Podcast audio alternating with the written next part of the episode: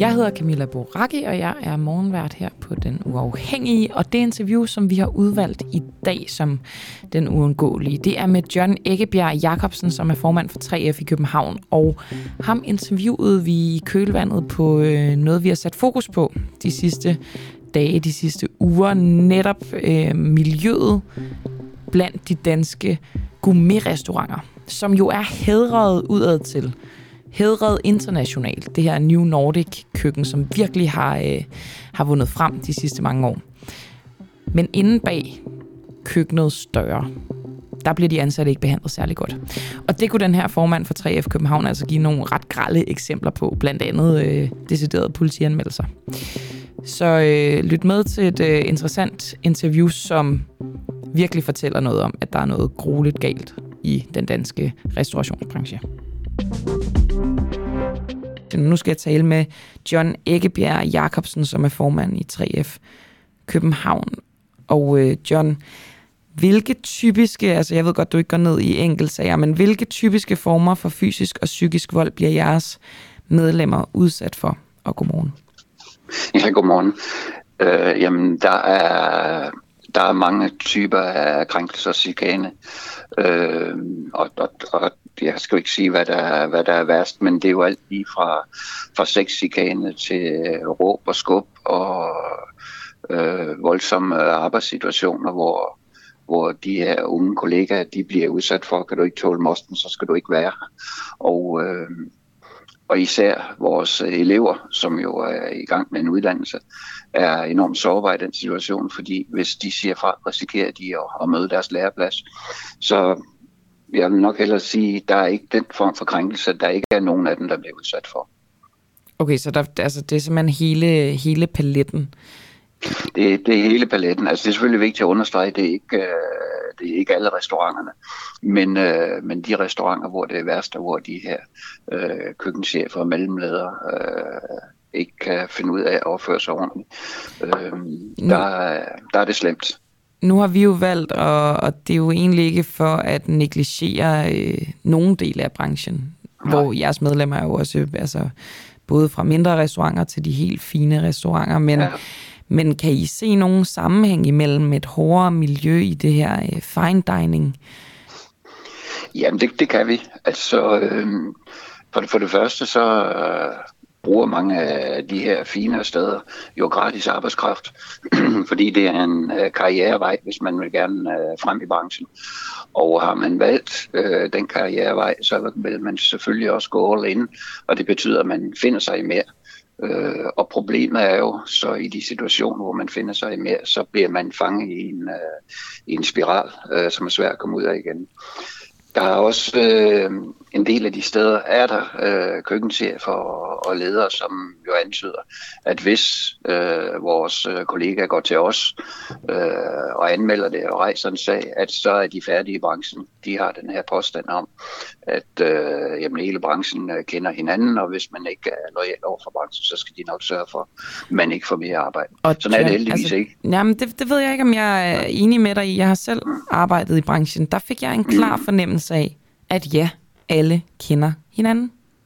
Ja. Og det ved jeg godt, at du er som den, der ligesom skal hjælpe med det her. Du kan jo ikke sidde og sige, at der er nogle konsekvenser med det her, men kan du ikke godt alligevel genkende det der med, at der er nogle hierarkier, der er nogle øhm, afhængighedsforhold på kryds og tværs af branchen, som gør, at ja, der er nogen, der har en, en indirekte magt? Sagtens. Øh, det er du fuldstændig ret i, og det kan jeg sagtens genkende. Det, der bare er vigtigt at sige, det er, at øh, i de situationer, hvor hvad skal man sige, at de her unge elever tager, sig, tager mod til sig og, og går til os, netop fordi, som du siger, at der er en vis risiko for, at man ikke får arbejde i branchen, så skaber vi i løbet af en dag eller nogle gange nogle timer en, øh, en ny læreplads, øh, fordi der er masser af arbejdsgiver, der gerne vil vil have fjernet det her ryg i branchen og har en, en anstændighed. Så derfor er det vigtigt for mig at sige, at den følelse findes, og den følelse skaber nogle af de her chefer, men øh, virkeligheden er faktisk en anden.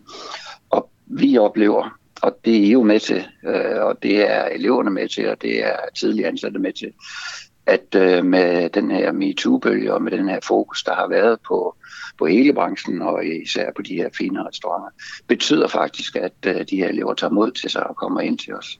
Altså vi har fået øh, fire sager inden for den sidste måneds tid, øh, og faktisk er der nogle af, af de her elever, der også er gået med til, at vi politianmelder det. Og det er simpelthen vejen til at få det her stoppet. Altså, så der er simpelthen blevet, øh, der er sket ting på, på arbejdspladser, som ja. øhm, berettiger en politianmeldelse. Kan du give et eksempel på, hvad, hvilken skala vi snakker? Jamen, øh, vi, vi kan snakke fra, at øh, folk, der bliver råbt af og trukket til side, øh, råbt af og trukket til side, som... Men det er jo ikke ulovligt, har, kan man sige.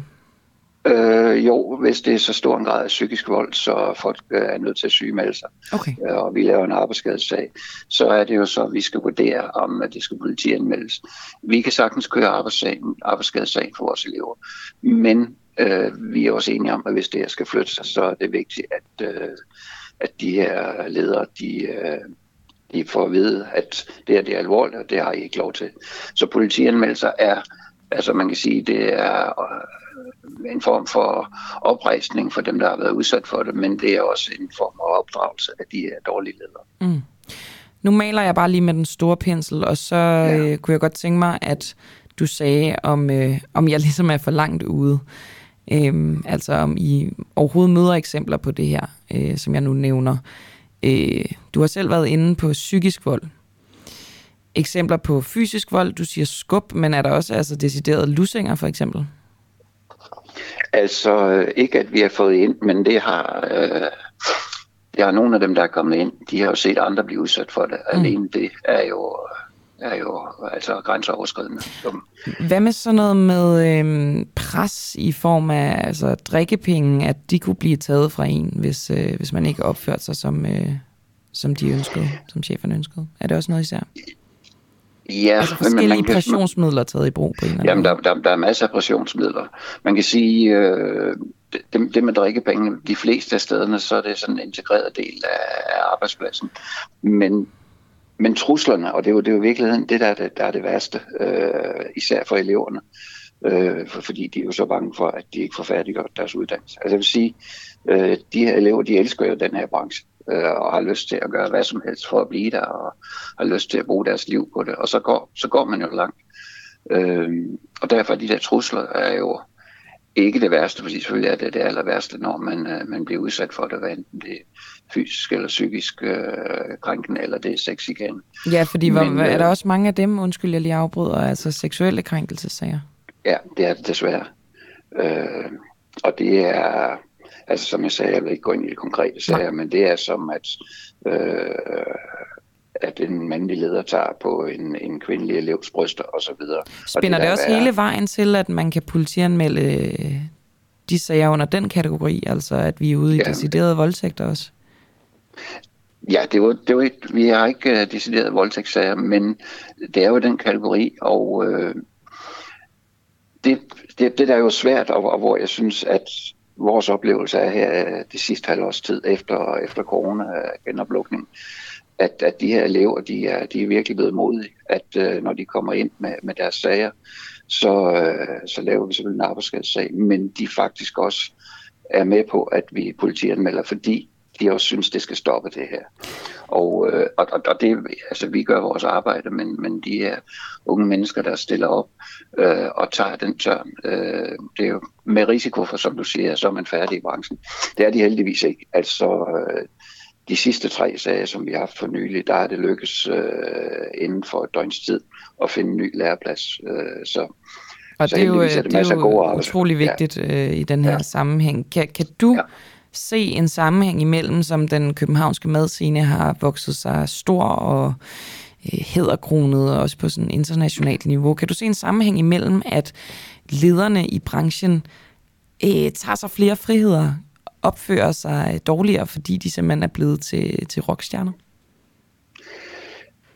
Øh, det, det, det hurtige svar er ja, men jeg er ikke sikker på, at det er så enkelt. Altså, jeg, i virkeligheden handler det om, at de er, de er voldsomt dårlige ledere, øh, og, og de arbejder jo også meget under pres, altså med en hel del af de her fine restauranter. der er, altså med den økonomi, der er i spil, der er der et voldsomt pres, og man skal levere ud over. Altså det kan hverken en, øh, en voksen uddannet med masser af erfaring, eller en elev holde til. Mm. Og, øh, og så er det meget typisk, man sparker ned af. Og, og noget af det, vi kunne ønske os, det var jo, at, at alle de her steder, for det første, at de fik nogle ordentlige lederuddannelser, ikke kun var gode til at lave mad, øh, men for det andet også øh, faktisk øh, hvad skal man sige, skulle instrueres i, hvordan det er elever. At elever ikke bare er en billig arbejdskraft, man kan bruge til hvad som helst, men at det er en forpligtelse, og at skal den her restaurantscene være endnu bedre, vi skal beholde vores status i, i Danmark og især i København, øh. jamen så er det faktisk vigtigt, at vi får passet på de her elever, for de er dog fremtiden. John, øh, tiden er løbet øh, fra mig fuldstændig. Jeg har bare et spørgsmål, som jeg håber, du kan svare kort på. Når, når I har de her sager med elever, som øh, tager sig mod til og, og fortæller jer om, hvordan det er, og de så bliver flyttet hurtigt, I finder nye praktikpladser til dem. Ja. I de sager, hvad sker der så med dem, der har øh, krænket dem og udsat dem for det her? Jamen, vi, vi, har, vi har to redskaber. Altså, vi har det faglige udvalg, som man skal sige, godkender lærersteder. Og der er også kommet nye signaler her i, i løbet af 2022, at det her faglige udvalg vil kigge på, om de overhovedet er, er værdige til at, at uddanne øh, elever.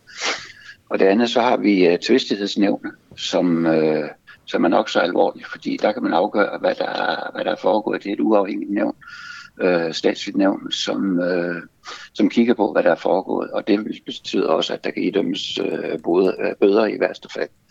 Øh, så, så jeg har ligesom de to redskaber, vi bruger ud over politianmeldelsen. Så jo, der sker noget, okay. men der er, lang, der er lang vej.